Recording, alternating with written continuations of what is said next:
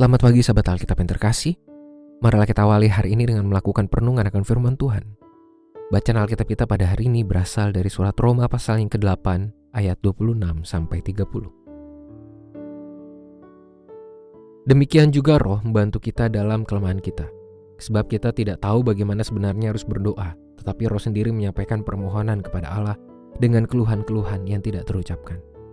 Allah yang menyelidiki hati nurani mengetahui maksud roh itu, yaitu bahwa ia sesuai dengan kehendak Allah memohon untuk orang-orang kudus.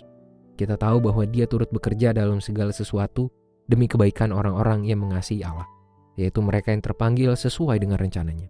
Sebab semua orang yang dipilihnya dari semula, mereka juga ditentukannya dari semula untuk menjadi serupa dengan gambar anaknya.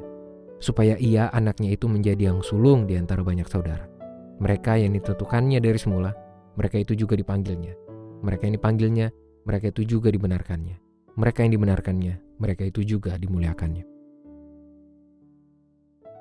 Ringan sama dijinjing, berat sama dipikul, merupakan sebuah peribahasa yang menggambarkan kualitas gotong royong dalam melakukan sesuatu hal.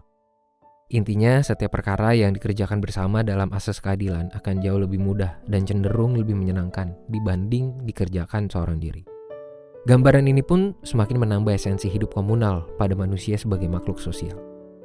Kerjasama tidak sekedar muncul dalam hidup keseharian antar sesama manusia, tapi juga muncul dalam hidup beriman. Maksudnya terjadi relasi yang saling bertautan untuk menghasilkan pertumbuhan bersama antara pribadi umat Tuhan dengan Tuhan. Hal ini tergambar dalam tulisan pengajaran Paulus mengenai roh Tuhan yang bekerja di dalam diri setiap umat Tuhan. Roh Tuhan yang hidup pada diri setiap umatnya pun tidak bersifat pasif, melainkan ia berperan aktif untuk bekerja bersama dengan setiap pribadi agar terus bertumbuh di dalam Tuhan. Roh itu tidak membiarkan kita bekerja sendirian menghadapi beragam tekanan hidup.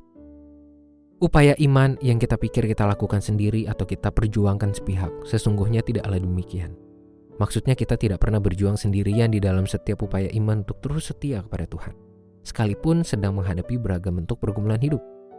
Entah di dalam setiap doa yang penuh harap maupun di dalam suara hati yang penuh kesah di hadapan Tuhan. Sesungguhnya kita tidak pernah berjuang sendirian. Tulisan pengajaran dari Paulus ini telah menunjukkan bahwa roh Tuhan yang hidup di dalam diri setiap umatnya juga turut bekerja dan berjuang bersama setiap pribadi untuk terus bertumbuh di dalam Tuhan. Oleh sebab itu, tidak sepantasnya lah bagi kita untuk membiarkan roh Tuhan bekerja sendirian. Kita perlu turut bekerja sama antara roh kita dengan roh Tuhan demi menghidupi pertumbuhan iman sebagai umatnya. Marilah kita berdoa. Tuhan terima kasih karena Engkau tidak membiarkan kami bekerja sendirian. Tuhan berikan kami hidup, Tuhan yang memelihara kami, dan Tuhan juga berjuang bersama dengan kami. Kiranya rohmu yang ada di dalam diri kami boleh kami respons dengan kerjasama yang baik, sehingga kami boleh terus bertumbuh di dalam dan menghadapi segala kenyataan hidup. Hanya di dalam nama Tuhan kami Yesus Kristus kami berdoa dan menyerahkan kehidupan kami. Amin.